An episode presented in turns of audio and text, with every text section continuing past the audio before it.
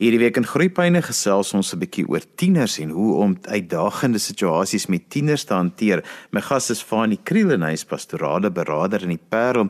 Fanie, daar kom 'n punt wat tieners mos nou maar moeilik is, maar dan kom daar 'n tyd wat hulle verskriklik slim raak. Ja, nee, dit is so Johan. Ek sou graag vandag wil begin deur uh, te sê ons praat van wanneer ons met mense werk as die tipping point. Nee, die tipping point met ander woorde dat jy vir jouself sal sê as die goed eers getip het, as jy eers amper soos 'n wipplank na die ander kant toe gaan, hè, dan is dit moeilik om hom weer terug te kry. So waarvan praat ek?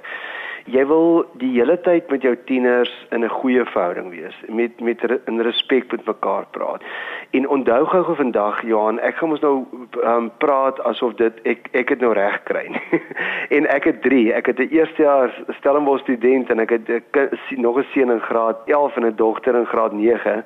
So ek kry dit nie altyd reg nie, maar wat ek wel weet is daai tipping point is sien jy jou tiener en werk jy met hulle as 'n objek van opvoeding of 'n objek van verandering? Met ander woorde dat hulle nie reg is nie of dat hulle 'n vreemde spesies is en dat jy die hele tyd op hulle moet opcheck of kwaai moet wees of wat ook al? Of sien jy hulle as 'n objek van bewondering? Nee wat jy hulle moet liefde en respek uh, hanteer. En dit is maar eintlik die kern van vandag se geselskap. Want as jy eers op daai blaadjie gekom het van om mekaar te openeer, die te mekaar te werk, op mekaar te skree, mekaar te lyf te gaan en en ek weet mos nou dit gebeur soms, nê. Nee. Maar ons het mos nou hierdie program om te sê hoe ons dit anders moet doen. En is daar 'n omdraaipunt? Ja, daar's altyd 'n omdraaipunt met jou kinders. So ek sal graag vandag wil begin met die dun klein boekie wat iemand geskryf het en die boekie se naam is The Games That People Play. En in hierdie boekie praat hierdie persoon van transaksionele analise. Johan, dis 'n groot woord vir hom te sê, elke keer as ek met iemand praat, vind daar 'n transaksie plaas. En wat is daai transaksie? Ons analiseer mekaar. Hy sê en maak nie saak met wie jy in die wêreld te doen kry nie. Daar is net 3 maniere hoe jy iemand analiseer. Dit is vanuit 'n standpunt van 'n parent of 'n child of 'n adult. En dis waar uit die woord ook vanaf kom dan patronize me. Okay, so En as jou kinders tot en met die ouderdom van 15, 16, nou dit verskil van kind tot kind. Daar is van die kinders wat al op 14, 15 uh, die, kan jy met hulle oorgangsfase hê, maar hier van 17, 18 is waar dit gewoonlik plaasvind. Wil jy oor begin beweeg van 'n parent-child uh, verhouding na 'n adult-adult verhouding?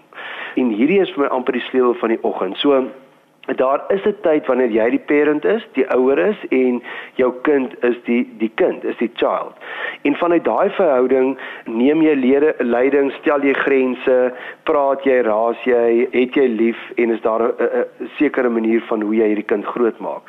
Maar dan as jy dit reg gedoen het Johan, begin daar baie stelselmatig oorskuif dat jy 'n adult houding kan inneem, 'n groot menshouding, volwassene en jou kind begin daarbey aansluit. En dit is 'n wonderlike tyd in 'n mens se lewe. Met ander woorde, en dan begin die die hele reëls van die spel verander.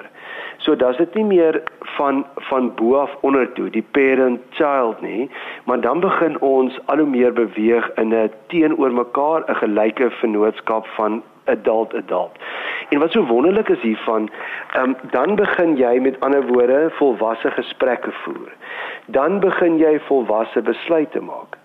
Dan begin jy volwasse inkomtye neerlê dan begin jy volwasse op watter ouderdom kan ek as ek uitgaan iets begin drink of op watter ouderdom kan ek wat begin doen in die huis. En dan begin hierdie natuurlike vertroue in mekaar verhouding ontwikkel.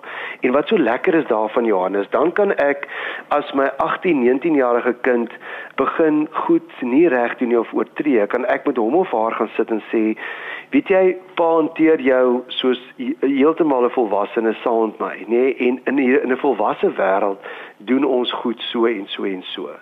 In 'n volwasse wêreld praat ons goed uit en klap ons nie deure toe en gaan sit agter 'n toe vertrek vir vir vir 'n daal vir ure nie. So dit is die een punt wat ek wil maak is dat 'n mens beweeg in hierdie transaksionele analise van 'n parent child op die ou end oor na 'n adult adult. Nou sal 'n mens vra, maar as jou tiener dan nou soms soos 'n kind nog optree, moet jy dan nou weer in die parentrol inklim? Nee nee, jy behou die adultrol en jy nooi die kind uit en gaan sit met hulle in gesprek en sê maar hoe kan jy ook verder hierdie 'n uh, uh, volwassene wees? Johan, die patologie daarvan, die siektestoestand is wanneer jy as ouer bly ouer raak en jou kind ook en jy bly die parent die ouer en die kind bly die child. So dis 'n baie bekende een wat ons almal ken. Jy's 50 jaar oud, jy het al hoeveel keer vir jou gesin en vir almal vleis gebraai en jy nooi jou ouers uit vir ete en jou pa kom in en sê: "Nee, jy sê my kind, hoe pak jy dan die vuur? Ek het jou nog nie so geleer en hy krap die vuur by jy weet uitmekaar uit en maak dit weer soos hy dit sou doen." Of ma sê in hierdie huis maak ons dan nie aardappelslaai met eier in nie. Hoe het ek jou dan geleer? Maar jy's al 'n vrou van 50 jaar oud.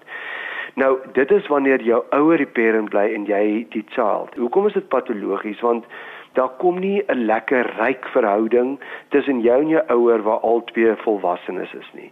Maar baie keer Johan gebeur die teenoorstelle ook en dan raak die ouer die child en hulle sit jou in die parent rol. So daai ding van ag nee my kind, gaan jy gou in die apteek in of gaan trek jy gou vir mam geeltjies. Ek weet tog nou nie om dit te doen nie. Ja, so hulle raak amper hierdie uh, soms uh, patetiese figure en kyk nou op na jou as dan die ouers. So ons werk na adult adult toe. Dan die volgende ding wat ek sou graag wil wil sê Johan is dat ons deelnemende grense moet stel met ons tieners. Uh, wat is dit? Nie autoritaire grense nie. En nie om te sê hierdie is my huis en ek sê nou vir jou of nie om te sê man jy sal so laat vanaand terugkom of jy sal na jou naels of jou hare gaan sny nie. Maar baie meer oorbeweeg na deelnemende ouerskap. So hoe werk dit? Om te gaan sit en jou kind vir jou vra, uh, "Pa, wat is die curfew vanaand? Die inkomtyd?" En jy kan rustig gaan sit en sê, "Oké, okay, ek moet môreoggend so laat begin werk." Nee. En ek kom haal jou by die partytjie of by vriende, so wat dink jy is 'n respekvolle tyd teenoor my dat ek kan nog genoeg slaap kry en dan vir jou ook. En ek en my seun is baie keer in daai punt, dan sal ek vir hom sê, ek sal daarom so eh, dan sê hy vir my pappa 2. Dan sê ek Jesus seun, ek sal daarom so jy weet 12 uur in die bed wou wees of so en dan sê dan besluit ons op half 1. So dis 'n deelnemende leierskap. Ehm um, jy leer jou kind om in 'n groot mens wêreld te dink en om jy gee vir hom ook daai respek. Dan 'n volgende ding as ek van respek praat Johan, is dit ongelooflik belangrik die respek wat jy as 'n ouer in positiewe ouerskap na jou kind toe uitleef. En ek weet, ek weet hulle push ons buttons. Ek weet hulle jy raak verskriklik gefrustreerd. Ek weet 'n vriend van my het altyd gesê 'n student is nie 'n mensie, hulle trap net 'n spoor soos 'n mens, maar ook net as hulle skoene aan het. En ek weet hulle push jou buttons, maar jy gaan nie wen deur in 'n in 'n konflikstyl met jou kind in te gaan nie en 'n autoritaire styl nie. Jy gaan baie meer wen deur jou kind te respekteer. As hulle 'n student is of bietjie ouer al met hulle haarstyl, hoe hulle goed doen en vra eerder, my kind, ek sien jy is tot 4:00 in die oggend as jy besig of jou lig nog aan en dan slaap jy tot 2:00 die dag. Dink jy dis goed vir jou? Gesels oor goed, maar hê altyd respek vir jou kind, want in jou gesprek met hom, in jou hantering vir jou kind, gaan hulle die hele tyd daai respek by jou beleef of hulle nie respek vir jou nie. So dis die paar punte wat ek in die eerste helfte van ons program sou wil aanraak is die transaksionele analise. Jy jy wil groei na 'n volwasse volwasse verhouding met jou kind jou kind is 'n objek van bewondering en nie 'n objek van opvoeding en dan die verskriklike belangrike ding is dat jy respek vir jou kind sal hê in alle opsigte hoe jy met hulle praat hoe jy hulle hanteer want as jy daai respek vir jou kind en die bewondering vir hulle uitleef elke dag gaan hulle ook daai respek op die ou end kanaliseer. My gas vandag is pastorale beraader Fanie Kriel. En ons praat 'n bietjie oor die uitdagings om met tieners gesprekke te voer en om hulle te hanteer. Fanie, want baie keer as 'n tiener by jou kom, dan verskil hulle met jou oor iets wat vir jou so voor die hand liggend is en jy jy kyk daarna en jy dink maar hoe kan jy nie dit insien nie want hulle bevraagteken goed wat jou eintlik irriteer vir die feit dat hulle dit eintlik daar gaan om dit te bevraagteken want jy dink net so anders as hulle. Johan, jy ken kinders so goed. Jy's pedagoog, so jy moet eintlik vir ons meer die antwoorde gee, maar maar kom ek ek lag nou want onthou gou en dis die volgende ding wat ek graag sou wou sê, nê. Nee, dit gaan oor die identiteitsvorming van die kind. Wie is ek? En die kind gaan deur drie fases. Ons almal gaan deur drie fases van identiteitsvorming. Die eerste fase is vandat jy 2 jaar oud is totdat jy ongeveer 10 jaar oud is. En dan is jou ouers, nê, nee, ons as ouers is dan die jou kind se identiteit. So monkey see monkey do en hulle volg ons na en as pa 'n brandweerman is wil jou jou jou seun ook 'n brandweerman word. As jy by ou mense gaan kuier, dis waar die term tandetel vanaf kom. Want as jy by ouer mense, jou vriende wil gaan kuier, hulle wil saam, hulle wil heeltyd by jou wees. Hulle is soos 'n stertjie, nê. Nee. Hoekom? Want hulle sien jou en jy is hulle sekuriteit en veiligheid. Hulle maak net soos jy maak. Dan die tweede fase van identiteitsvorming is van 10 jaar tot ongeveer 18 jaar oud. En in daai tyd beweeg die kind oor van jou huis of die ouers se identiteit ja na na hulle eie identiteit. Maar hulle het nog nie hulle eie identiteit nie. Dit begin eers in die derde fase van 18 jaar af en op. Maar tussen 10 en 18 jaar oud, wie is hulle identiteit dan? Die peer groep, hulle maats, hulle vriende. En Johan, ek wil gou die voorbeeld gebruik van 'n 3-jarige kleintjie. Ons is oukei daarmee as hulle hulle handjies uit ons hand uittrek en sê, "Ag, ah, self aantrek mamma, self eet" of hulle wil self oor die pad hardloop. Nee, want ons sien dit as ontwikkeling. Maar ons is nie oukei daarmee as die tiener emosioneel hulle hand uit ons hand uit wil trek nie en hulle wil self besluit en self dink. Maar dit is juist wat in hierdie fase gebeur. So wat doen die tieners? Hulle peer groep raak nou hulle nuwe identiteit en nie meer jy nie. Wat die ouer dan ervaar is dan losmaak van die tiener. Hulle wat hulle nog doen is om te kritiseer hoekom kritiseer hulle? Want hulle moet uitgroei uit die kinderfase uit uitgroei uit jou as identiteit. En hoe hulle die beste gaan doen is om jou te kritiseer oor sekere goed want hulle is self nie seker oor dit nie. So hulle hou jou as 'n objek bietjie verder weg en ons ervaar in hierdie fase dan hulle doen goed anders maar hulle is ook krities teenoor jou. En dis vir ouers baie keer 'n slegte fase. Hoekom? Want ons sien dat dit wat ons hulle geleer het, eh, dis nou nie meer goed genoeg nie. En ons huishouding en hoe ons kos maak en wie ons is en dit alles word nou deur ons tieners bevraagteken. Maar dit is 'n belangrike groeifase waardeur hulle gaan. En dan ons praat vandag oor konflik of moeilike tieners, dan in daai tyd sal ouers half verwerp voel of gekritiseer voel en dan is jy nie volwasse genoeg soos ek in die begin van die program die adult is nie, die volwasse nie, dan begin ons kinders bevraagteken of veg teen hulle. Maar dis net 'n fase wat deur hulle gaan. So in hierdie tyd gaan hulle ons ook is isoleer. So aan en dit is ook vir baie ouers sleg. So hulle sal eerder by hulle vriende wou gaan lockdown doen dit of hulle sou eerder alleen op universiteit wou in hulle woonstel gaan sit het. Of as hulle by jou in die huis is, hulle sal ure agter toe deure sit. Of hulle sal soos my seun kyk en my sê pappa, hoekom sal ek nou saam met julle die naweek wil gaan kamp saam met my familie as ek saam met my vriende kan gaan? En dit is baie keer harde houe vir ouers, maar jy net onthou dat die peer groep is nou hulle alles en nie meer jy as ouers nie. En dan Johan is daar 'n lekker fase wat begin ontwikkel hier van 18 tot 28, nê, nee, wanneer die kind dan sy eie identiteit begin ontwikkel. En dan begin hy weer besef, ek het nou my ouers gekritiseer, ek is negatief of wat ook al, maar dan vat hulle uit die ouerhuis wat vir hulle kosbaar is en hulle eie goed wat hulle by die by die peergroep opgetel het en dan bou hulle hulle eie identiteit en dan kom hulle weer nader aan jou. En dan dis 'n wonderlike fase waar jy dan oorgaan na die adult adult. Hoekom is tieners baie keer aggressief of moeilik of wat ook met ons. Ons moet ook onthou Johan, hulle gaan deur verskriklike moeilike tye om hulle self te handhaaf tussen hulle vriende en hulle peergroep. Dis 'n vreemde wrede wêreld en baie erger is in ons tyd. Onthou, hier's nou nog WhatsApps en hier's nog WhatsApps groepe en Facebook en Instagrams en Zooming en noem dit. En waar hulle baie kritiek en dan ook baie swaar kry beleef, nê. Nee. En wat ek vir jou daaroor wil sê is om daar buite te oorleef. Dis soos 'n vreemde jungle vir hulle is baie moeilik. En nou gaan hulle nog self ook deur die emosionele goed, nê. Nee. So hulle voel baie keer bietjie blootgestel, uitgesluit, hulle eie waardes nog besig om te groei. Hulle voel net nie lekker in hulle selfie en dan is dit nog hierdie huise reëls ook, nê. Nee. En dan kom hulle in opstand daarteen. So my aanbeveling is, gaan kyk na die emosies agter die aggressie en agter jou moeilike tiener.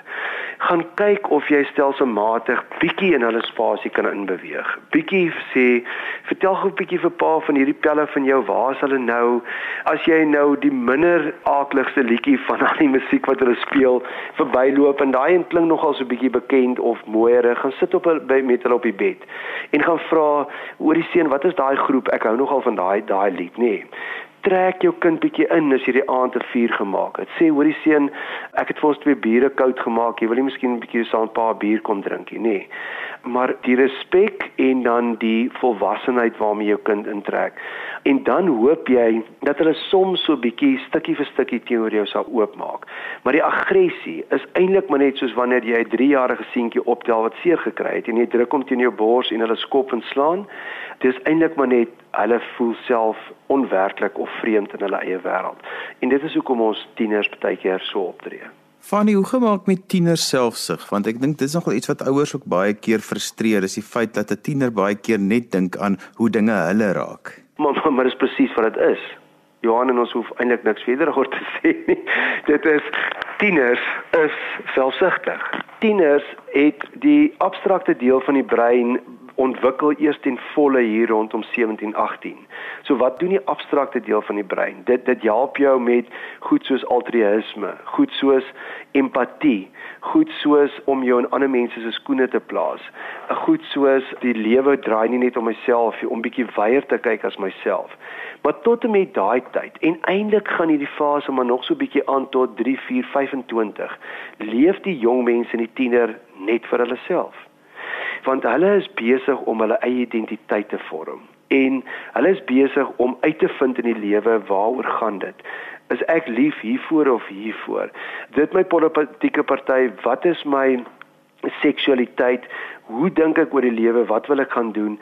En daarom gaan dit eintlik net oor hulself En onthou net Johan, ek sê nie hierdeur dat mense moet eers kinders hê voordat jy nie selfsugtig optree nie. Ons baie mense wat nie kinders het nie wat onselfsugtig en altruïsties is. Maar baie mense sal vir jou sê vandat ek begin kinders kry het, toe op 'n jong sê maar 4, 25 of 28, het ek eers begin uitvind wat dit is om nie vir myself te leef nie. Nou, wat ek daardie bedoel is, tieners gaan maar nog oor. Dit is so swaar vir hulle om hulle plek in die samelewing te kry. Nê nee, en om te leer en om iewers te kom en die toekoms lyk onseker en al hierdie goed en die peer groep dis 'n drukking op hulle dat hulle eintlik maar net survive baie keer. En daarom lyk dit vir ons of hulle baie selfsugtig is want hulle is maar in hierdie tyd. Dit gaan maar oor ons as ouers wat net gee en gee en gee en hulle ontvang net tot op 'n ouderdom so hier van 425 wanneer die eie identiteit gevorm is dan kan hulle weer begin om rondom hulle te kyk en te gee en altruïsties te wees anders te dink hulle eintlik maar net aan hulle self Fanny, hoe gemaak as ek nou gehoor het wat jy alles sê in albei gedeeltes van vandag se program en ek besef ja, ek het nog al 'n redelike autoritaire ouerskapstyl want dis maar hoe ek grootgemaak is en um, ek wil dit ook nou so met my kind want dit het vir my gewerk en ek moet nou hierdie kop skuif maak. Hoe maak ek dit want baie keer voel mense ook onveilig om na 'n uh, styl van 'n deelnemend te beweeg of 'n volwasse volwasse verhouding met jou kind te gaan as jy jy nie weet wat dit is nie en of jy dit nie ken nie want dit is 'n vreemde domein vir jou. Die eerste ding is ja, dat jy altyd eers vir jouself gaan vra as ek nou terugkyk nê nee, oor my opvoeding wat ek nou my kinders tot hier ver, het dit vir my gewerk. OK, so ek kom nou agter dit werk nie meer nie. Want dit daar is sekere fase in die laerskooljare wat bietjie kan werk, maar dit gaan nie weer meer met jou tieners werk nie. So om die eerste ding om te sê, OK, uh, dit het nie gewerk nie, so kom ons kom ons ons ons gaan dit anders moet doen. Die tweede ding is om te sê Ek hoef nie bang te wees nie, want ek gaan nie my kinders meer van my vervreem nie. As ek gaan aangaan met my autoritaire gedrag, dan gaan ek hulle meer van my vervreem. Ek hoef nie bang te wees dat hulle my huis gaan oorneem nie. Ek gaan net nader aan my tiener begin groei en daar kan 'n verhouding begin ontwikkel en respek. En weet jy wat, Johan, dis die wonderlike met kinders, nê? There's always a point of return. Always jou kinders sien jou op 'n sekere opsig, maar weet jy, die tieners sit hier by my in die kantoor en dan as ek met hulle oor hulle pa en ma begin praat, begin altyd almal van hulle altyd huil of die meeste van hulle. Hulle soek sal altyd my sê, "Oom, ek wens ons kan meer saam eet. Ek wens ek kon my pa meer gesels het. Ek wens ek het 'n tipe pa gehad as 'n dogter wat my na 'n koffieshop toe gevat het en ons kan net oor die lewe praat." Kinders het 'n absolute dors daarna en dit lyk vir ons nie so nie, want weet jy hoekom? As hulle daai respek en deernis en by ons net autoriteit kry, maar hulle kry nie die ander kant nie, dan gaan hulle reageer met opstand. En dan voel hulle maar jy's ver van hulle af. En ek wil vir ouers vandag uitnooi wat hier sit is, wat moedeloos is, gaan en gaan neem die eerste stap. Al stap jy net jou kind se kamer binne met 'n vriendelike glimlag. As hulle sit en leer of iets, vat net vir hom 'n glas Coke en 'n pakkie chips gaan sit net by jou dogter op die bed. Gaan betrek hulle bietjie meer by wat jy doen en wie jy is. Maar moenie as dit die eerste keer nie werk hier Johan moedeloos raak nie. Want onthou, jou kinders is nou gewoond aan 'n verhouding wat net autoritair was. Dis vir hulle al vreemd. Sommige sal selfs amper sê, "Ag, nou is dit te laat. Ek wil dit nie nou hê nie." Hou net aan daarmee. Hou aan respek hê, hou aan jou kind met liefde hanteer en dan die belangrike ding waarby ons vandag wou uitkom gaan werk dat jy op die punt uitkom van twee A's wat teenoor mekaar staan, naamlik twee adults. En begin jou kind ook so hanteer met respek dat hy begin ervaar, maar jy sien hom nie meer as 'n kind nie en jy praat nie meer die hoogte uit nie, maar jy begin jou kind as 'n vriend sien en uit daai verhouding kom maar baie ryke verhouding. Wanneer is uh, luisteraars met jou verder begesels, hoe kan hulle met jou kontak maak? Hulle kan my kontak by my e-posadres wat is fani by strooidak.co.za. En so gesels pastorale beraader Fanie Kriel daai die Parel. Ons vandag gesels oor al die uitdagings met tieners en hoe ek in 'n ouerskapsverhouding met my tiener kan staan wat positief is vir ouer en kind. Onthou jy kan weer na vandag se program luister as 'n potgooi. Laai dit af by resgep.co.za. Skryf gerus vir my e-pos by groeipyne@resgep.co.za. daarmee groet ek dan vir vandag tot volgende week van my Johan van Lille. Totsiens.